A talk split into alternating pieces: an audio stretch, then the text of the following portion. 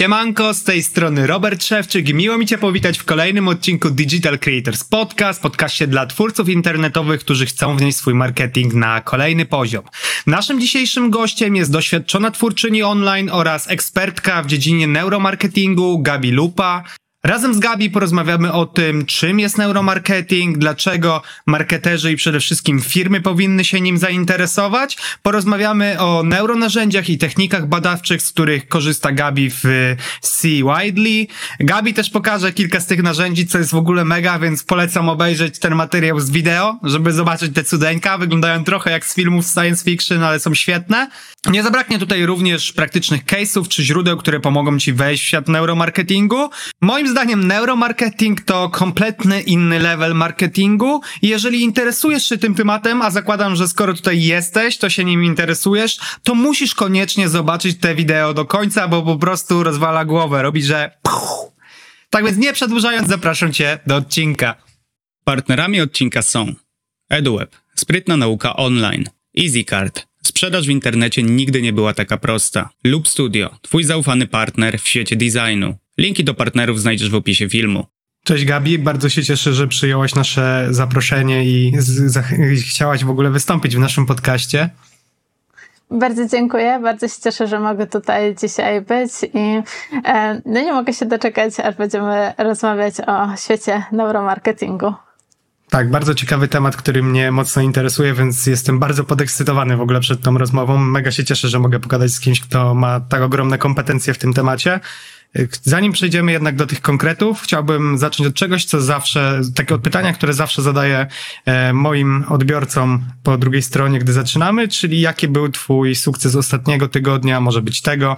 To są zarówno rzeczy jakieś zawodowe, prywatne, cokolwiek dla ciebie, co uważasz, że było po prostu ważne. E, ważne. Może ostatnio cieszę się, że wróciłam już na tory po wakacjach i weszłam już w ten rytm pracy i że mogliśmy się też tutaj dzisiaj spotkać i porozmawiać. E, więc e, myślę, że właśnie to takie rozkręcenie się i właśnie wrócenie na tory to taki sukces, zwłaszcza, że na horyzoncie no, sezon wydarzeń i no, mnóstwo fajnych rzeczy, które będą. I tutaj przy przede wszystkim. Tak, a gdzie w ogóle byłaś, jeżeli możesz zdradzić? Na wakacjach? E, w moim sercu mocno e, osiadła się Majorka, więc ja tam właśnie e, staram się też często wracać, bo też ze względu i na kulturę, i na tą na piękne widoki i różnorodność. To jest no, takie moje serduszku. Tak, Grzegorz Róg, który u nas był na podcaście, właśnie też mówił bardzo dobrze o Majorce i też chyba nawet tam przez większość czasu, szczególnie w zimę, mieszka, więc ja nie byłem, ale też jest na mojej takiej liście miejsc do odwiedzenia.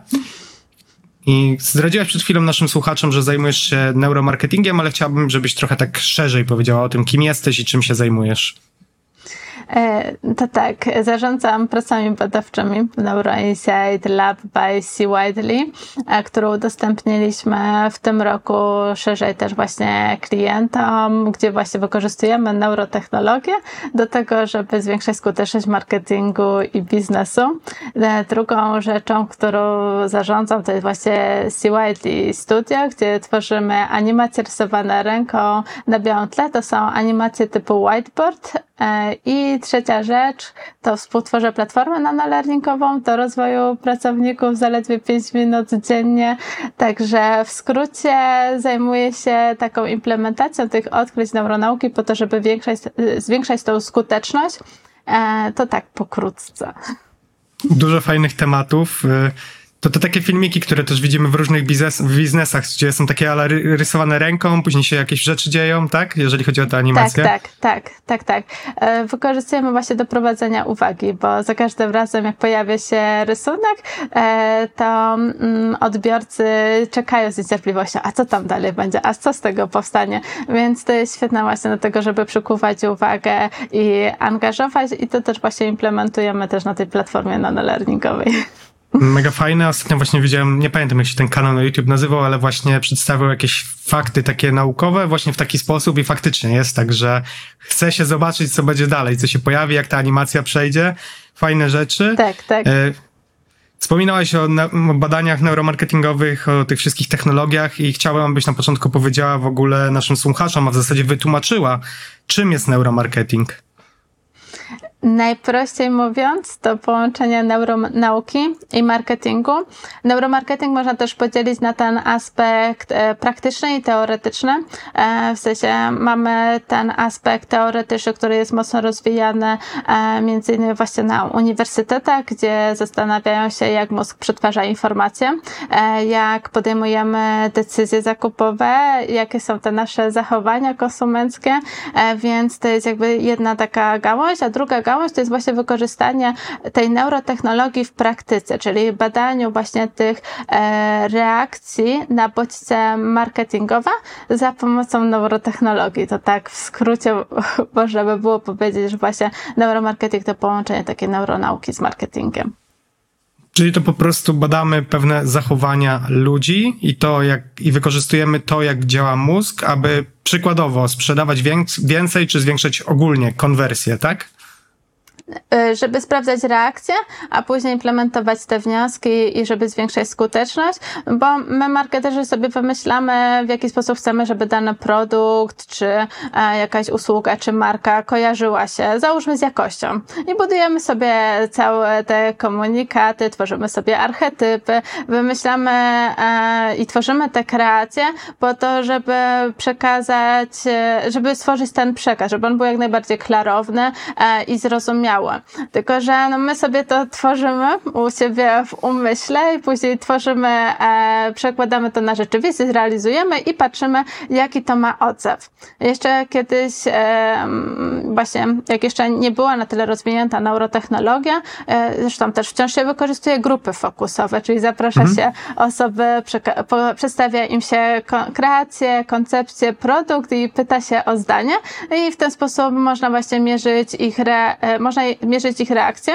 tylko że mm, to jest bardzo taka powierzchowna z tego względu, że mm, my jakby, jak, to jak my przetwarzamy bodźce, mamy tylko jakby dostęp do tego, co zapamiętaliśmy. W sensie, jeśli oglądamy jakiś spot, to zapamiętamy kilka rzeczy, a dopiero jak tam na przykład porozmawiamy, załóżmy w wywiadzie pogłębionym, no to sobie przypomnę, a to jeszcze było to, a no faktycznie gdzieś tam się przewinęło. A są takie rzeczy, które e, właśnie e, tak tutaj e, trafiają do tej naszej warstwy świadomej, czyli tych rzeczy nieświadomych, które można później w wywiadzie pogłębionym, no a neurotechnologia jakby pozwala właśnie e, ten cały e, proces e, przebadać, po to, żeby zobaczyć, gdzie faktycznie była kierowana ta uwaga, co zainteresowało, co zaangażowało i co tak naprawdę zapadło w pamięci.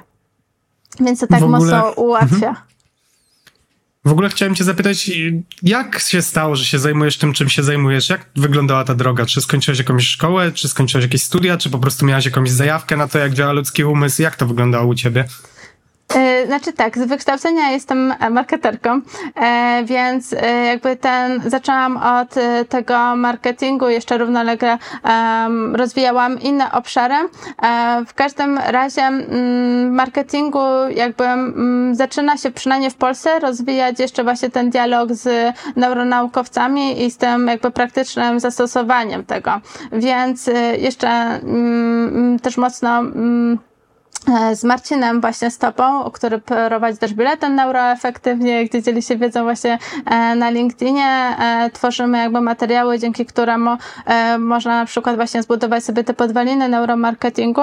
A my musieliśmy tak naprawdę prze, przejść przez wszystkie jakby wyniki badań, przeanalizować całą literaturę naukową, a te, także właśnie te case'y, po to, żeby no, zgłębić jakby tą neurotechnologię, bo generalnie generalnie z technologią jest tak, że to trzeba być na bieżąco, czy chociażby tak ostatnio wyszedł Apple Vision, gdzie nam bardziej rozpowszechni ten eye tracking, czy sztuczna inteligencja, która mocno się rozwija i mocno też ma impact na neurotechnologię, więc to ostatnie e, właśnie te lata to jest mocny jakby e, wzrost też tego zainteresowania i też e, dlatego mm, rozwijamy też tą gałąź i udostępnić jakby klientom e, ten aspekt e, jakby e, technologii. Więc to wciąż, wciąż się buduje, no bo de facto my w marketingu bazujemy na odkryciach psychologicznych. Problem polega na tym, że jakby cała koncepcja psychologii zaczynała się właśnie od tego, że my się, znaczy w nauce zastanawiano się, co ta osoba właśnie pomyślała, dlaczego takie myśli, co ona odczuwała, dlaczego takie emocje i tak dalej. Więc więc mieliśmy bardzo ograniczone jakby te możliwości. Dopiero neurotechnologia jakby pozwalała, e, pozwala jakby badać i zrozumieć bliżej te emocje i to, co faktycznie dzieje się, no bo trzeba pamiętać, że myśli są tak naprawdę, czy też to, co pamiętamy, to są fizyczne jakby procesy, które zachodzą w naszej głowie. W sensie to są biologiczne, chemiczne, elektryczne procesy. Gdzieś te neuronki, one się tam łączą i jest. I ta informacja jest tam zapisana, no nie działa to tak jak na komputerze, że bierzemy sobie ten plik, zapisujemy sobie w folderze i jest ta informacja Czy tak samo jak chcemy, żeby dana marka była zapamiętana, e, czy kojarzyła się, no to, to są budowane całe sieci jakby tych neuronków. No i czym bardziej są wzmacniane te połączenia, tym większe prawdopodobieństwo, że dana osoba sobie przypomni, e, czy zapamięta jakąś informację. W przypadku marketingu, no to przypomni sobie na przykład, że jest taki produkt, czy taka marka. No, brzmi tak, niesamowicie i tak, tak, ale bardzo fajnie, brzmi niesamowicie i trochę, trochę z jednej strony tak tajemniczo i skomplikowanie. Powiedz mi w ogóle, w jakich obszarach marketingu i sprzedaży możemy wykorzystać właśnie to, to, to wszystko, o czym powiedziałaś? Znaczy praktycznie wszędzie, z tego względu, że tam, gdzie jest mózg, tam można badać reakcję na bodźce. Więc jeżeli weźmiemy sobie jakiś bodziec marketingowy, e, czy to na przykład w postaci pokazania na przykład e, spotu reklamowego, produktu, e, czy na przykład kreacji opakowania, e, muzyki, jak na przykład dzwonimy na infolinię i jest muzyczka, czy to w jaki sposób e, tworzymy też te komunikaty, jak są napisane na przykład treści, nagłówki, czy to artykułów, czy na banerach, to jakby wszystko można zbadać tak samo ze smakiem. E, czy tak jak właśnie był słynny eksperyment Pepsi Cola, gdzie właśnie w tych ślepych testach e, prosili e, ludzi właśnie o to, żeby powiedzieli, który preferują. E, czasami właśnie mieszali E, że na przykład pod etykietą Coca-Coli była, e, był inny napój i później jeszcze badano to za pomocą fMRI, czyli tego funkcjonalnego rezonansu magnetycznego, gdzie wpuszcza jakby należąco wierza się do takiej tuby i w tej tubie właśnie sprawdzano, co się dzieje, jaka jest ta aktywność mózgu podczas właśnie e, tego próbowania. Więc w ten sposób jakby można było wtedy już zobaczyć pierwsze takie E, rzeczy, na które pozwala neurotechnologia, żeby zobaczyć, e, jak, jak ta marka, którą my budujemy w umyśle, jak też często strategzy mówią właśnie o tym pozycjonowaniu w umyśle klienta. No i my sobie tam właśnie to pozycjonujemy i, no ale co tam faktycznie się dzieje? No i neurotechnologia jakby pozwala to e, sprawdzić, więc na ten moment e, Sztuczna inteligencja pomaga znaleźć te korelacje, bo często wiele osób myśli, że e, w mózgu są nie wiem, jakieś ośrodki i że w tych ośrodkach, w tym konkretnym miejscu to się odpala, nie wiem, cena, albo tak przez bardzo długi okres czasu był modny przycisk kup, czy w mózgu istnieje przycisk kup, bo tak sobie jakby próbujemy to um, prosto wyjaśnić, ale mózg nie jest tak prosty, jak nam się wydaje. W sensie to jest wciąż e, mocno niepoznany e, obszar, no i wciąż naukowcy mocno go badają. Także gdyby podsumować, to generalnie można we wszystkich, najczęściej w spotach reklamowych wyświetla się klientom spoty reklamowe i sprawdza się, gdzie ta uwaga jest utrzymywana, czy jest to zainteresowanie, czy nie. Czasami na przykład marketerzy dyskutują, a czy na przykład ten spot za bardzo nie odbiega od historii, no bo historie świetnie budują emocje. E, w ten sposób można często e, pominąć tą markę, która ma zostać zapamiętana, żeby było wiadomo, że to nie tylko no, fajna historia, super opowiedzieliście, ale żeby było zapamiętanie tej marki. Więc neurotechnologia pozwala jakby sprawdzić, czy jest, to, e, jest zapamiętywana ta marka, czy nie jest zapamiętywana. Bo tak jak mówiłam wcześniej, to jest prawdziwy jakby proces, a, który zachodzi w mózgu, a nie jest coś takiego, nie wiem, magicznego, który, że tam coś magicznie się zapisuje. E, więc e, reakcja ty, właśnie na produkty, na spoty, e, na smak, na muzykę, na zapach, czy na przykład były badania tego, że e, sprawdzali, czy na przykład muzyka e, francuska tam była i muzyka włoska może wpływać na wybór e, smaku wina. No i faktycznie, tak, jak ludzie no, jak ludzie słyszeli tę muzykę francuską, to chętnie się decydowali na francuskie wino. Więc to wszystko jakby wpływa na naszą percepcję i my mm, przez cały czas, e, nawet to, czego właśnie doświadczamy e, teraz, no to jest na przykład właśnie poddawane błędom poznawczym. To jest też na, nasza percepcja zależy od tego, czego wcześniej doświadczyliśmy i no, marketerzy muszą się jakoś w tym odnaleźć. No, a neurotechnologia jakby pomaga się w tym odnaleźć. Super, a właśnie odnośnie do tego wina, co mówiłeś, to tam chyba jeszcze w ogóle w tym badaniu było, bo chcę właśnie takie zrobić przejście do kolejnego tematu. E, było właśnie tam tym, że później się chyba ich zapytano, czy to, że te win, czy ta muzyka, którą słyszeli, miało wpływ na to, czy te wino wybrali i tam ludzie mówili, że tam w żadnym wypadku.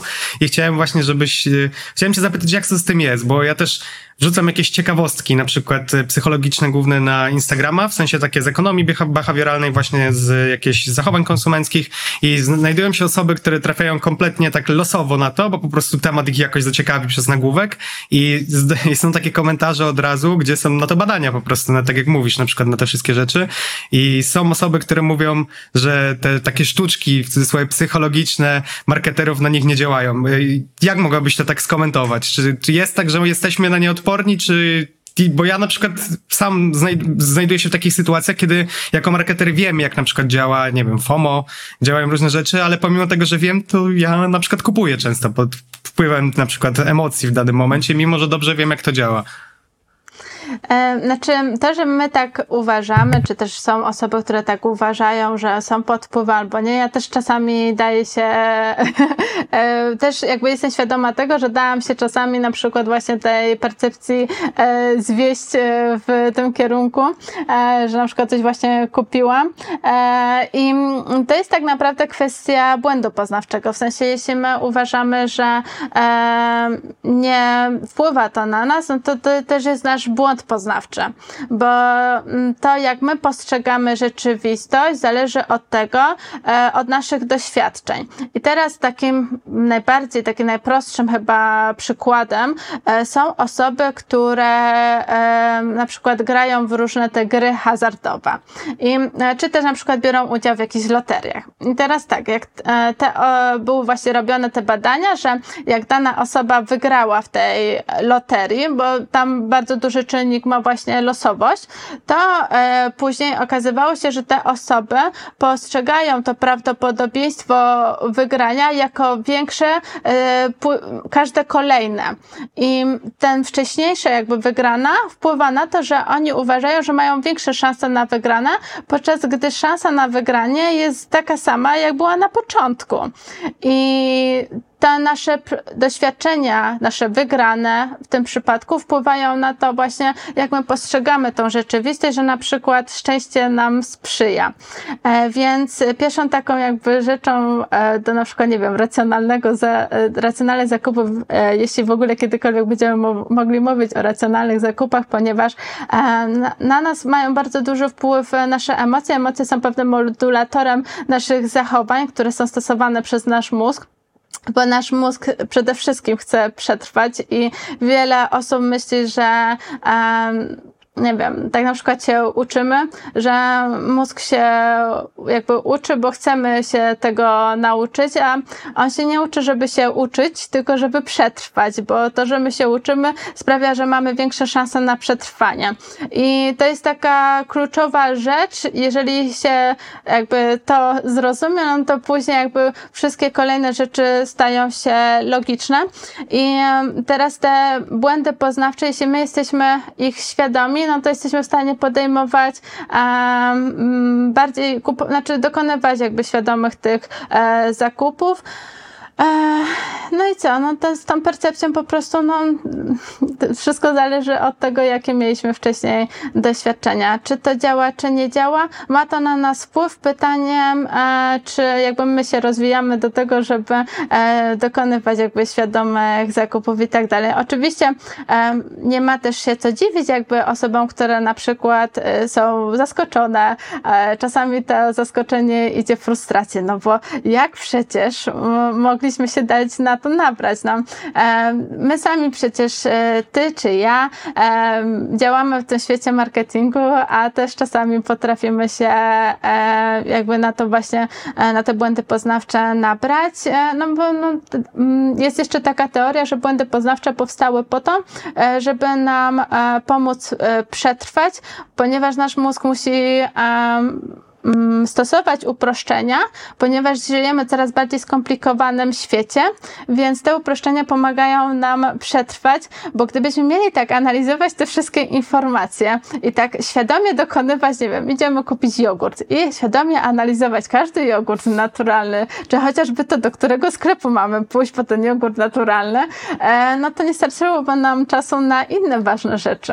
Więc też to mm, na przykład ludzie też czasem sobie nie zdają sprawy z tego, że um, jeżeli na przykład widzieli jakąś reklamę, no to ta reklama e, wpływa na to, jakie później produkty zauważają na, mm, e, w sklepie, ale z takich mniej bezpośrednich połączeń, to robili badanie, w którym dawali e, badanym możliwość zagrania w grę internetową. I chociażby to, czy ta osoba wygrała, czy przegrała, wpływało na to, jak ona postrzegała marki później wybierając różne produkty. Jeżeli były właśnie te wygrane, no to był transfer emocji, w sensie ten pozytywny transfer emocji przenosił się na te marki. Więc no, to wszystko jakby ma wpływ na nas. I no, dzięki neuronauce konsumenckiej, neuromarketingowi możemy to mierzyć, e, sprawdzać i też zwiększać jakby skuteczność działań marketingowych, biznesowych, ale też jakby te odkrycia transferuje się do tej e, efektywności też osobistej, no bo dodaje jakby nowe możliwości. Fajne i mega zaciekawiło mnie to, co powiedziałeś, że powiedziałeś, że błędem poznawczym jest to, że myślimy, że błędy poznawcze na nas nie działają. Bardzo ciekawe w sensie zdanie. I... Tak, tak, bo w marketingu też jak były te badania właśnie e, prowadzone wcześniej, te badania marketingowe, gdzie jakby zaczę, zaczęto od ankiet, no nie? Pytano się ludzi, e, jak postrzegają tą markę, z czym im się kojarzy i tak dalej. E, no to jakby to e, chociażby sam, e, sama osoba prowadząca badanie ma wpływ na to, jakie są udzielane odpowiedzi. W sensie, jeśli załóżmy, prowadzisz badanie i wyglądasz na e, miłą osobę, no to ja też jakby chcę być miła dla ciebie, więc odpowiadam też takie odpowiedzi, które są e, na przykład załóżmy bardziej pozytywne. I chociażby to miało wpływ e, na to, jakie później się wyniki uzyskiwało. Tylko problem polega na tym, że jeżeli już się wypuści produkt, załóżmy, czy jakiś spot, czy e, komunikacja, no to jest ten strzał. I później idzie cała seria, jakby cała ta komunikacja. I jeśli tę komunikację źle się poprowadzi, no to można zmarnować nie tylko jakby zasobę, ale szansę. No bo jeżeli jeżeli zajedziemy markę, no to tam albo trzeba poczekać, jak pan Maciej Tosławski mówi, albo trzeba poczekać całe pokolenia, albo marka po prostu do wywalenia trzeba stworzyć nową.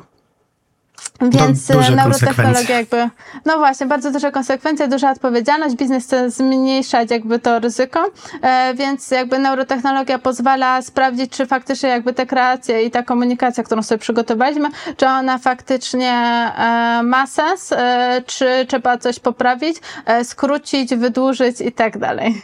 To jest fajne, bo to daje ci taki bezpośredni feedback i pokazuje jak jest, bo często sobie stawiamy jakieś hipotezy w głowie i myślimy, że powinno tak być, a w rzeczywistość później jest kompletnie odwrotna. Powiedziałaś właśnie o tych tradycyjnych metodach y, badań, czyli na przykład ankietę, o której mówiliśmy i chciałem zapytać jak wy w C. Widely, e, z jakich technik badawczych po prostu korzystacie u siebie na przykład?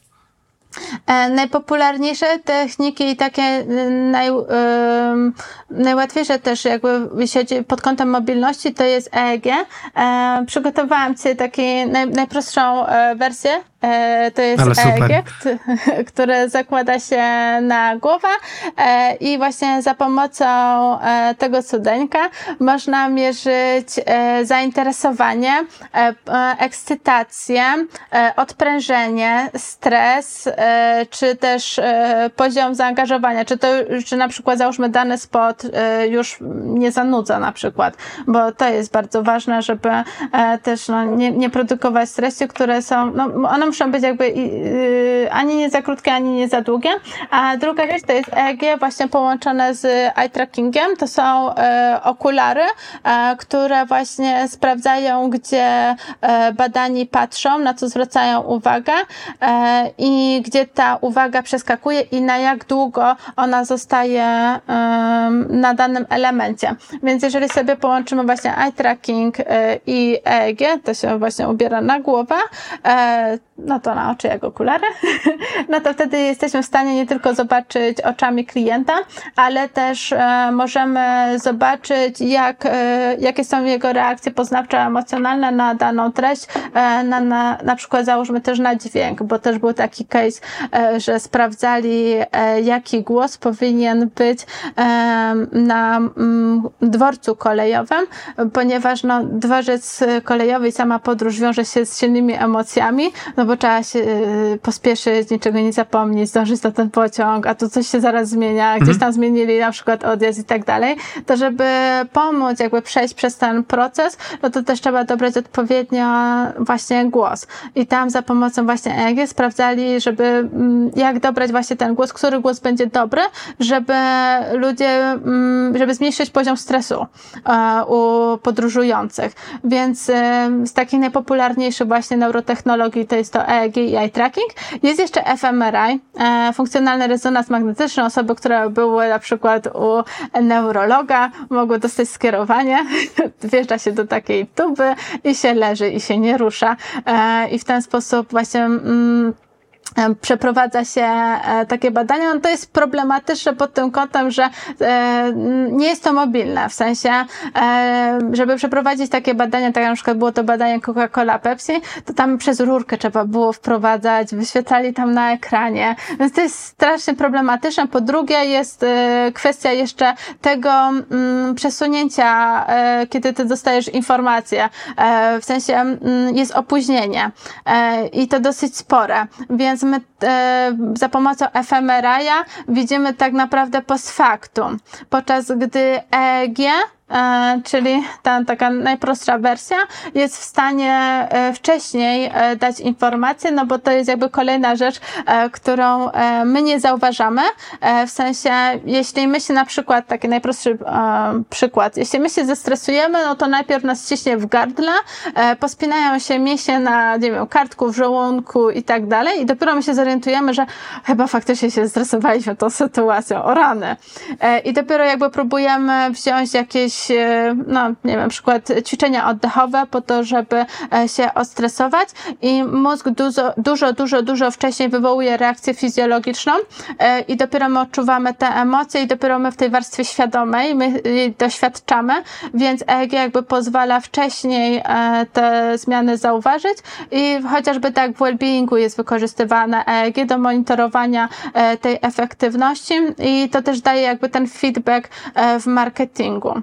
Dodatkowo jeszcze czasami na sam koniec albo przed badaniem właśnie prowadzi się e, te, mm, tworzy się kwestionariusze, a to dlatego, że można zobaczyć jaki jest rozstrzał na przykład pomiędzy deklarowanymi e, cenami, e, czyli wartością produktu, a tymi, które faktycznie później badani za pomocą neurotechnologii wykazują, bo robi się to na zasadzie takiej, że pokazuje się produkt w opakowaniu z dwoma cenami, no i wybiera się. I e, oni w ten sposób e, badanie wybierają e, i w ten sposób można później właśnie wywnioskować, jaka jest tam elastyczność cenowa jak się e, kreuje ta krzywa popytu. Faktycznie to jest e, problematyczne też pod kątem e, na przykład podwyżek. PepsiCo właśnie miało taki case, bo w Turcji właśnie chcieli podnieść cenę. No, jeżeli zapytamy się ludzi, no to czy będą dalej kupować, jeśli będzie podwyżka, no powiedzą, że no jak będzie za bardzo drogie, no to raczej nie. Nie chcemy zresztą tych podwyżek, no bo jakby chcemy pozyskać uzyskać jakby ten produkt, ale nie chcemy też za niego e, przepłacić. Z drugiej strony, jeśli będzie za tani, no to też będziemy się zastanawiać, a czy to na pewno nie jest jakaś podróbka, a czy to jest dobrej jakości, a czy e, to jest e, jakby tą wartość, którą my chcemy uzyskać. Więc e, oni zrobili właśnie badanie kwestionariuszowe, o ile będzie ten spadek e, sprzedaży. Za pomocą właśnie kwestionariuszy wyszło im, że spadek sprzedaży będzie 33% i będzie to nieopłacalne. Za pomocą neurotechnologii właśnie e, robili eksperyment i wyszło im 9%, e, ale będzie opłacalna, a rzeczywistość pokazała, że spadek był 7%. Więc neurotechnologia była jakby tutaj najbliżej tej odpowiedzi. I w ten sposób właśnie mm, takie, za pomocą tej neurotechnologii, no, takie badania można przeprowadzać. Teraz też jeszcze je, następuje miniaturyzacja, bo jeszcze jakiś czas temu takie, e, żeby to mogło być EEG, no to wcześniej e, nakładali i też e, przy badaniach na przykład medycznych e, wciąż wykorzystuje się czepki i takie elektrody. Tak, Trochę tak, wygląda kojarzę. się no, no. jak taka meduza. tak by to można było e, porównać. A teraz jeszcze EEG rozwijają w kierunku słuchawek. W sensie, tak jak ja mam teraz słuchawkę, to e, wciąż rozwijają, żeby można było w ten sposób e, badać, bo to też ma zastosowanie właśnie well-beingowe, e, czy też w formie naklejki, w sensie za uchem, żeby można było naklejać i to jest już dostępne. Minus jest taki, że to jest bardzo drogie i to jest jednorazowe. Okay. Więc e, no, nie jest to na razie takie na tyle e, jakby dostępne. Na razie to jest taka wersja podstawowa, z którą e, można, e, można zacząć i e, eye tracking, teraz też e, jeszcze Apple Vision będą, więc jeszcze bardziej spopularyzują eye tracking i możliwość właśnie sprawdzania tego, gdzie ta uwaga przeskakuje, czy to już jest ten moment, że a dobra, to już jest nieważne, to e, pomijamy, czy dalej oglądamy, no nie? Fajne, takie gadżety nie spodziewałem się, że pokażesz, mega się cieszę, trochę jak science fiction wyglądają. Hej, mała przerwa na szybkie ogłoszenie. Uruchomiliśmy Digital Creators Newsletter, dzięki któremu już zawsze będziesz na bieżąco z naszymi materiałami. Dodatkowo w środku czekają na Ciebie fajne polecenia książek i wartościowych treści. Link znajdziesz w komentarzu, a tymczasem wracajmy do odcinka. A mam też pytanie właśnie odnośnie do AI, bo do sztucznej inteligencji i tego, co mówisz. Czy są teraz jakieś narzędzia, na przykład, bo widziałem chyba, nie wiem jak się nazywało to narzędzie, nie chcę skłamać, Zyro? Chyba prawdopodobnie, że właśnie mm -hmm, na podstawie AI też pokazywało na przykład, jak ludzie będą patrzeć jeszcze bez patrzenia na stronę i nie wiem, co w ogóle o tym uważasz i czy są już jakieś takie narzędzia, które na przykład wy wykorzystujecie u siebie w firmie w codziennej pracy?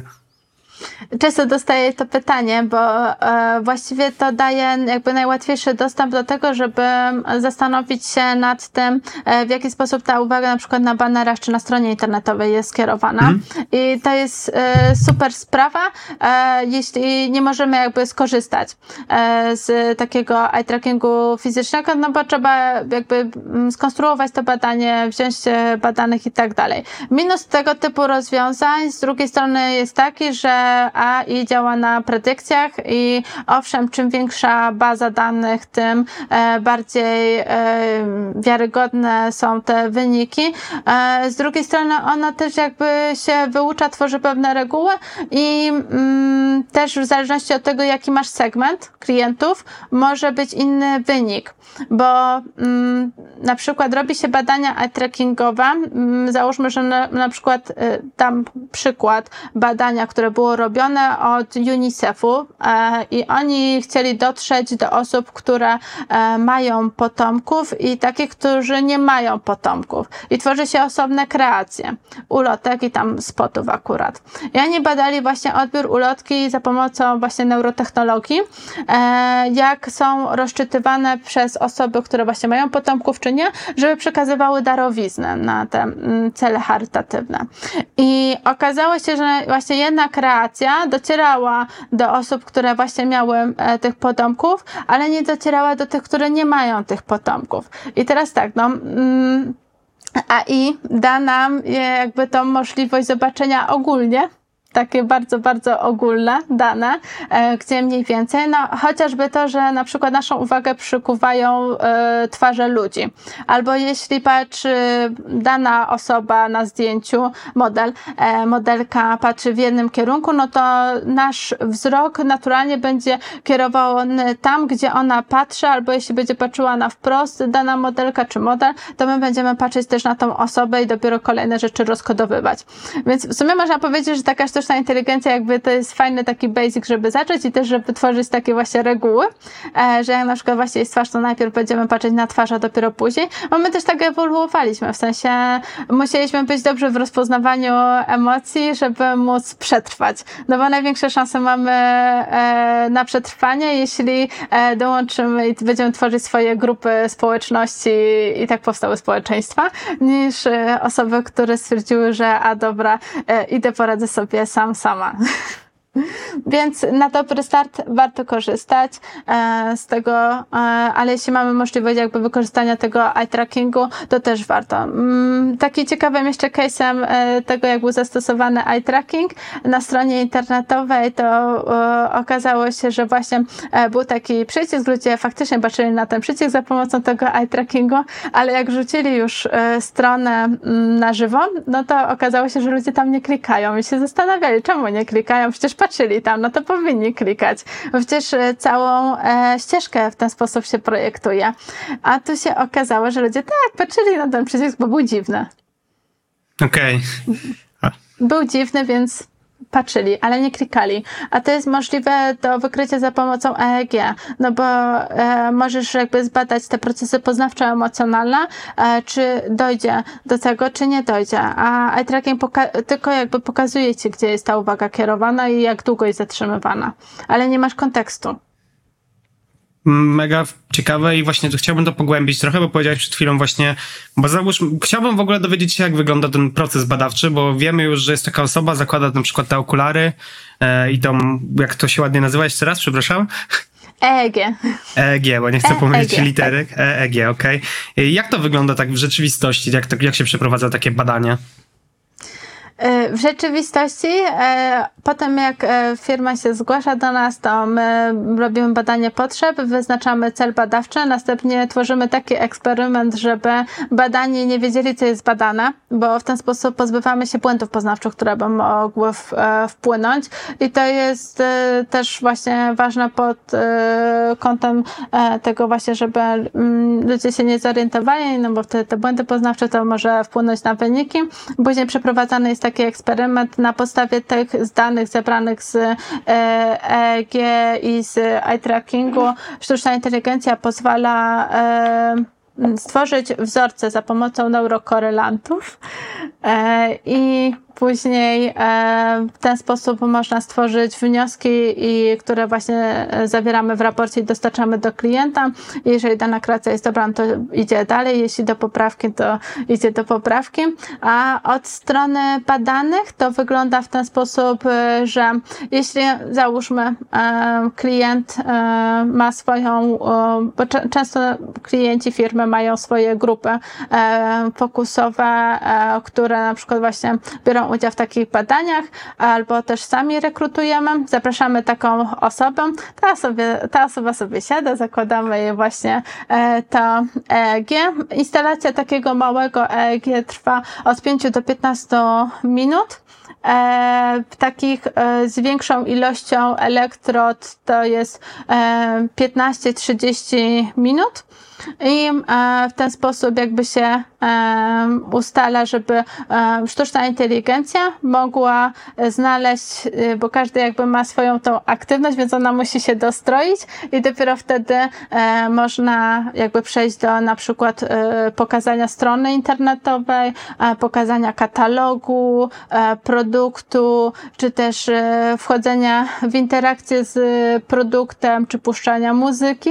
Wtedy są za pomocą właśnie mm, tego EEG czy eye trackingu zbierane informacje i dopiero później one są wrzucane do sztucznej inteligencji, która pomaga jeszcze je przeanalizować i dopiero wtedy jest tworzony raport.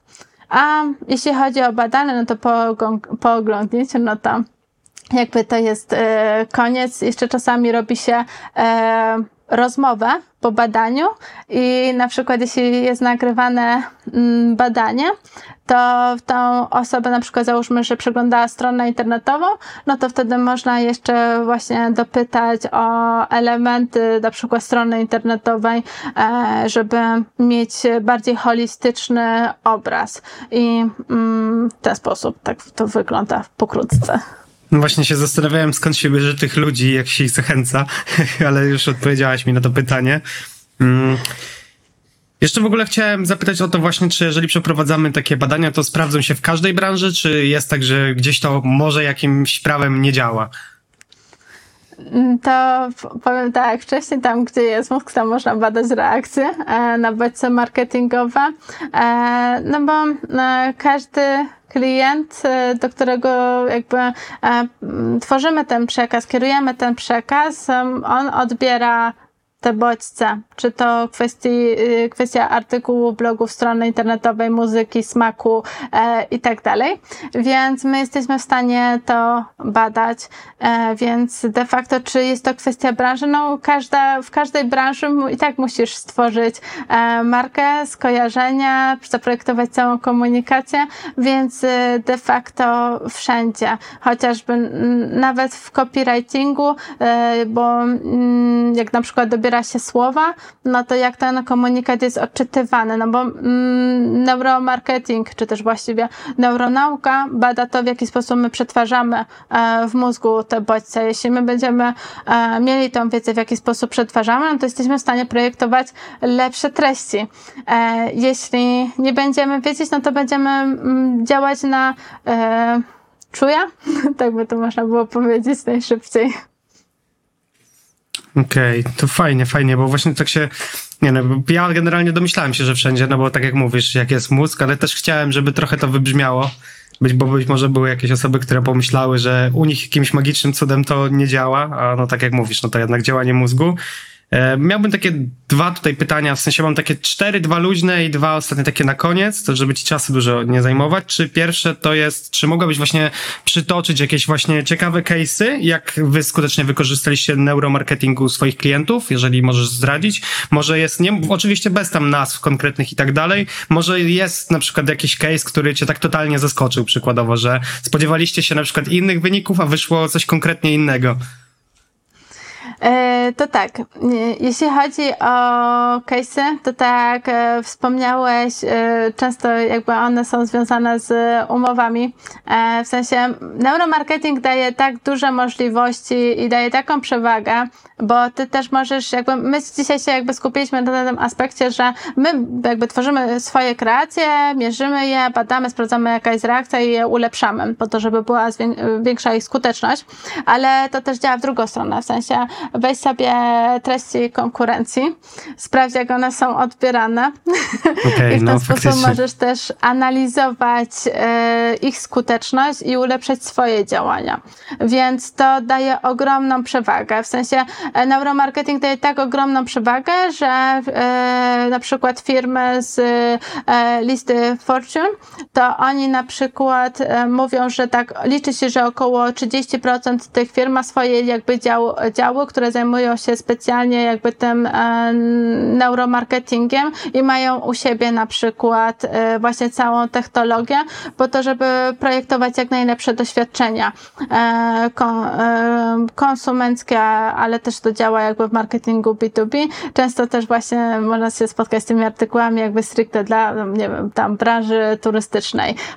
Tak właśnie jest mnóstwo badań po covid jak można odżywić branżę hotelarską, e, w jaki sposób na przykład tam pokazywać te zdjęcia, które zdjęcia na przykład osiągają tam lepsze efekty, a które no, wciąż muszą jakby popracować nad tym. E, więc jest to tak duża przewaga, że rzadko w internecie owszem można znaleźć case'y, ale jest ich no, stosunkowo mało i większość jest w wersji obcojęzycznej. W Polsce w ogóle to jest e, temat, który dopiero raczkuje, jak nie naradza się. Podczas gdy na przykład w Hiszpanii, we Włoszech, mm, no de facto taką kolebką neuromarketingu można by było powiedzieć, że jest Hiszpania. E, we Włoszech, w Niemczech, e, w USA e, to są kraje, w których się rozwija, a u nas no to niestety na razie to sobie tak raczkuje. Z takich ciekawych wydaje mi się case'ów, których może zainteresować słuchaczy. E, to chociażby właśnie e, case Spotify, bo oni wchodzili na rynek indyjski i zastanawiali się, jak tu wybrzmieć, no bo rynek, tam rynek indyjski, jeśli chodzi o muzykę, jest mocno rozbudowany, jest mnóstwo utworów, e, naprawdę różnych gatunków.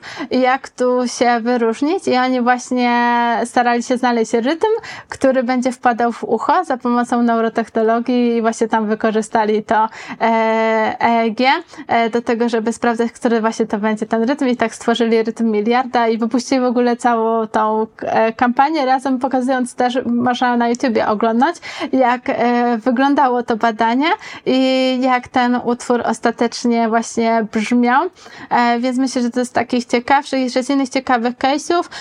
To właśnie był firmy Dragger, też właśnie mówiliśmy na webinarach, bo też robimy na LinkedInie, żeby dzielić się wiedzą, to oni zastanawiali się właśnie nad ceną produktu, jak ustalić, bo w kwestionariuszach wyszło im, że klienci potencjalnie by mogli, byli w stanie za elektryczną nianię zapłacić 100 euro, podczas gdy oni stworzyli technologię, która nie pozwala obniżyć tej ceny poniżej 200 euro.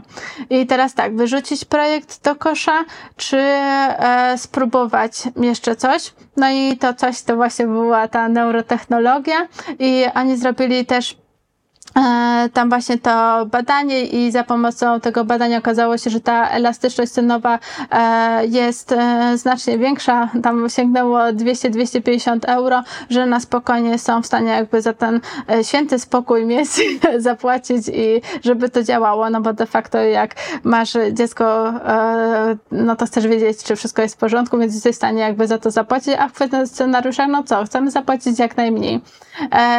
W DKMS-ie jeszcze tam, e, gdzie na przykład e, chcieli zachęcić ludzi do tego, żeby e, zostawali dawcami szpiku kostnego, no to stworzyli spot i co? I okazało się, że spot jest za długi, w sensie tam była taka historia, że para sobie leży w łóżku, następnie mężczyzna jest wyrywany do krainy lodu i on tam właśnie marznie i w końcu zamarza.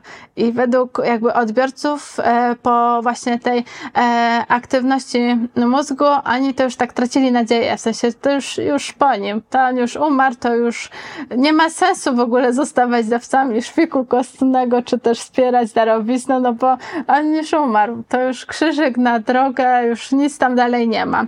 No i to na przykład pokazało, że ten spot jakby trzeba przyciąć, w sensie nie można tak długo trzymać do tego, do tego punktu kulminacyjnego, że ta historia dobrze się zakończyła bo jeśli będzie za długo, no to po prostu odbiorcy stracą nadzieję, że tam nie ma dobrego zakończenia. Oni skrócili, więc nie dość, że e, oszczędzili na transmisji, bo każda sekunda się liczy, bo to wpływa na też budżet e, reklamowy, to jeszcze uzyskali większą skuteczność jakby przekazu e, i no ta, taką właśnie daje możliwość ta neurotechnologia, to z takich ciekawszych, więcej to też dzielimy się i właśnie w ramach Akademii Neuromarketingu marketingu i na LinkedInie staramy się, i na wydarzeniach, i, i też biorąc udział w wywiadach, takie jak ten.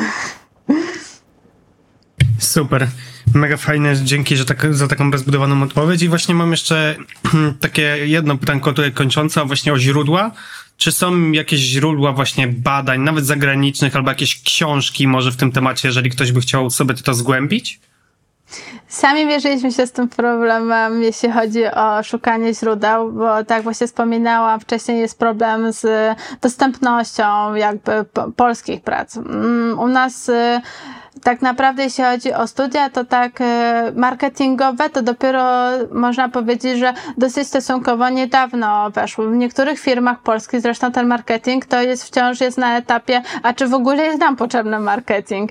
E, więc jeśli chodzi o treści neuromarketingowe, e, to tak, właśnie jestem podręcznik manuale di neuromarketing włoski e, Kateryny, e, właśnie Garofalo, Francesca Galucciego i Mariano Diotta. Drugi to jest anglojęzyczny podręcznik Consumer Neuroscience Kenninga, Petera. Bardzo fajny i jakby traktujący właśnie o tej neuronauce konsumenckiej. I jeśli chodzi o polskie, bo problem jakby z tymi treściami jest taki, że e, e, tak jak mówiłam, mózg jest wciąż e, mm, takim nieodkrytym obszarem. Mhm. Jakby wciąż pojawia się mnóstwo nowych badań. Na przykład na neurosciencenews.com można przeczytać nowe wyniki badań.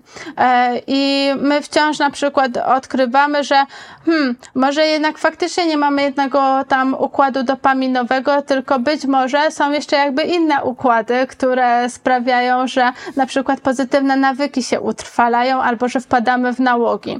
Więc y, jeśli chodzi o takie, na przykład, żeby mieć taką podwalinę do tego, y, czym jest świadomość, co się dzieje w tej świadomości, czym jest podświadomość i też y, ciekawostki z marketingu, to polecam książkę tą, jak się uczymy Stanislasa e, e, i on bardzo fajnie tutaj jakby tłumaczy te procesy i jest ta wiedza w miarę zaktualizowana, bo e, to też jest jakby kolejne e, wydanie.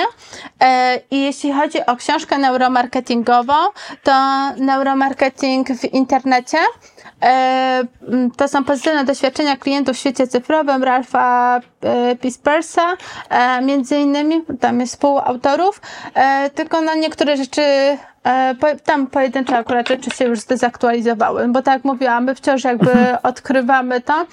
Tak właśnie wcześniej mówiłam, że na przykład myślano na początku, jak się rozwijał neuromarketing, że znajdziemy mm, miejsca w mózgu, które są stricte odpowiedzialne za daną rzecz, e, że na przykład będzie ten przycisk kup, albo tu na przykład będzie to, jak reagujemy na cenę i tak dalej, ale no, mózg tak nie działa.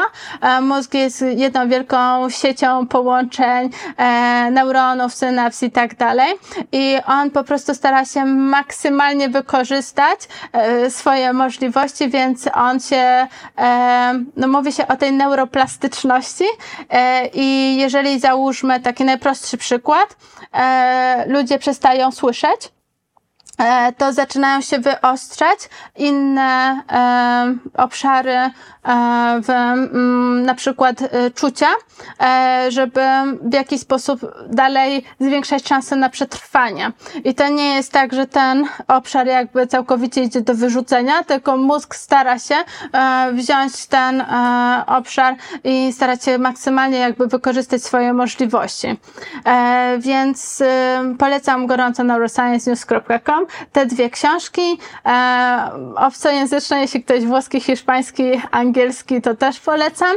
A z takich rzeczy, które my staramy się robić, to właśnie wystartowaliśmy z tą Akademią Neuromarketingu e, i z webinarami i staramy się, e, znaczy analizujemy te wszystkie badania i my staramy się mówić o tym w prosty sposób, e, ale też, żeby właśnie mm, nie stosować też zbyt dużych uproszczeń, bo mnóstwo jakby tych bitów powstało wokół e, marketingu, bo my byśmy chcieli bardzo, żeby to było proste, żeby to było takie, a tutaj klikniemy i będzie, a to no niestety nie jest tak proste, jakby nam się wydawało i wciąż jakby to sztuczna inteligencja mocno pchnęła no, odkrycia neuronów nauki, bo jest w stanie przeanalizować większą ilość e, informacji, jest w stanie też je połączyć, ale z drugiej strony mm, nie, nie radzi sobie jeszcze tak dobrze z informacjami, mm, które są bardzo odległe od siebie. Tutaj jeszcze wciąż e, ludzie mają e, przewagę, ale to jest jeszcze, w sensie e, tak naprawdę rozwój jakby tej sztucznej inteligencji jest na tyle jakby poszedł do przodu, że to za niedługo no, większość rzeczy zostanie zautomatyzowana zautomatyzowana i my tak naprawdę, to my będziemy jej pomagać. Na razie ona pomaga nam. Tak, no zgadzam się tutaj. Dziękuję za te liczne polecajki. E, mam dwie, podlinkuję je oczywiście w opisie. Mam dwa ostatnie pytania, już takie luźne. Pierwsze to, gdybyś mogła być dowolnym zwierzęciem, to jakim chciałabyś być? Możesz tu miksować, wymyśleć. Tutaj twoja kreatywność z limitem, więc śmiało. E, nie wiem, czy to będzie kreatywne, ale gdybym dostała takie pytanie, to powiedziałabym, że ratel. E, zwany też miodożerem, a to dlatego, że są bardzo sumienne zwierzątka i jak one sobie coś umyślą, to one tam będą dążyć do tego, choćby miały przejść nawet i kilkaset kilometrów, także e, myślę, że ratel. Czekaj, pierwszy raz się pojawił i bardzo fajne zwierzątko i nawet nie wiedziałem, że ma taką cechę, że jest tak uparte, że dąży tak uparcie do celu. Ciekawe. Bardzo inteligentne i też y, problematyczne dla ludzi, ponieważ są tak inteligentne, że nawet jak się je zamknie, na przykład w zagrodzie, to one potrafią sobie stworzyć narzędzia do tego, żeby wyjść tam. Okay. No. Mega, mega. Aż sobie poczytam też o tym. Bo zaciekawiłeś mnie tym. filmiki są niesamowite. E, I ostatnie właśnie takie odnośnie do tego, co wy robicie, gdzie nasi słuchacze mogą ciebie, was znaleźć po prostu, gdyby chcieli dowiedzieć się więcej na ten temat.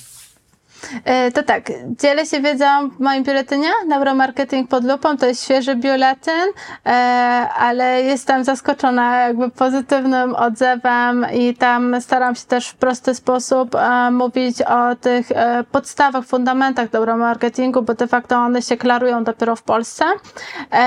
I z tego też wynikła Akademia Neuromarketingu, bo nie wszystkie jakby rzeczy można mm, jakby przekazać E, też za pomocą tego newslettera, więc postanowiliśmy stworzyć jeszcze właśnie e, razem właśnie z Marcinem Stopą, autorem biuletynu Neuroefektywie, tą akademię, gdzie właśnie e, stworzymy te kursy, żeby można było zobaczyć w jaki sposób to wygląda, żeby rozprawić się z tymi mitami w końcu, o, chociażby taki popularny mit, że używamy 10% mózgu.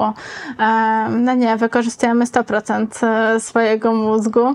10% tak samo jak 90 pozostałych 90%, czy chociażby to, że mamy półkulę tą um, to się mówi lewa i prawa półkula, mamy tych humanistów i mamy te osoby tak, tak. kreatywne, no to było mocą nad interpretacją, na przykład właśnie e, artykuł, e, pojawił się artykuł, który był nad interpretacją badań, e, czy i dlatego właśnie postanowiliśmy stworzyć tę Akademię Neuromarketingu, Akademia Neuromarketingu.pl, na stronie Neuroinsight Lab właśnie mamy też bloga i newsletter, gdzie też dzielimy się wiedzą, a też staramy się um, właśnie jak najwięcej o tym mówić i e, między innymi można nas spotkać na Mobile Trends for Experts czy TXB, e, gdzie będzie można też doświadczyć tej technologii, neurotechnologii. Ruszamy na przykład